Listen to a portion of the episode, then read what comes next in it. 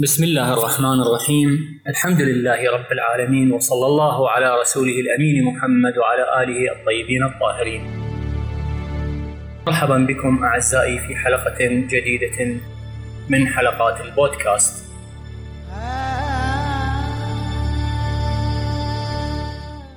الإعلام الأسود أو صناعة الكذب هو من أخطر الوسائل والحروب التي تستهدف عقول البشر. حيث تبدأ بالتشويش ثم تصيبها في قناعاتها. بصرف الأنظار عن حدث ما أو تسعى لتغيير وجهات النظر باتجاه واقع غير موجود أصلا. وليس إلا وهما ثم تجسيده والدفاع عنه حتى يصبح يصبح حقيقة.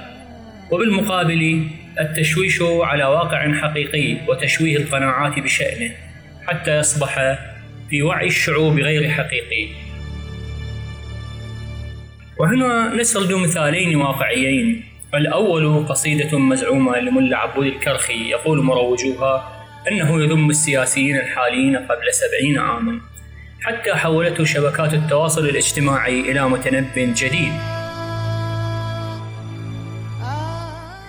واقع الحال يقول أن القصيدة ليست له وقد خلا ديوانه منها بطبعته الأصلية القديمة.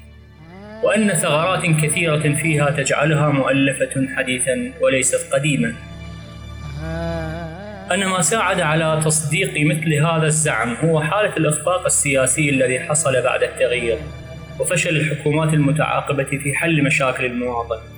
فلجأ البعض منهم إلى هذا الأسلوب بزعمه أنه يهين وينتقم من السياسي الفاشل. أن سببا سياسيا أدى إلى تصديق هذه الكذبة ألا وهو التنافس والتسقيط بين الفرقاء. إضافة إلى السبب الطائفي والعنصري طبعا. ولنأخذ مثلا آخر وهو قصيدة مزعومة أخرى لشاعر مزعوم واسمه مزعوم أحمد النعيمي. عنوانها نحن شعب لا يستحي فلا الشاعر موجود ولا القصيدة له. ولا الصورة له إنما خلقت هذه الشخصية لأسباب طائفية بحتة. فعندما يكون أحمد ونعيمي وعندما تقنع المتلقي أنه أعدم على الطريقة الإيرانية فإن كل ما يليها يصدقه العقل الطائفي.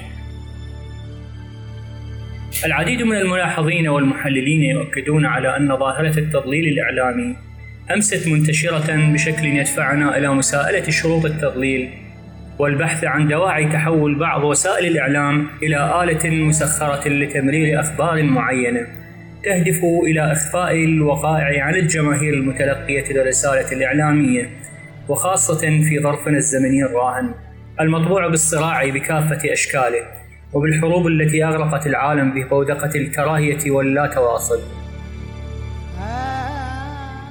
لقد تحولت فضاءاتنا الاجتماعية في كل مكان إلى مختبرات لتجريب الأكاذيب من طرف الآلات الإعلامية مما يحول الوقائع إلى مجرد أوهام تعشعش في رؤوس المتلقين وتؤسس لإنتاج قوالب وتمثلات اجتماعية خطيرة.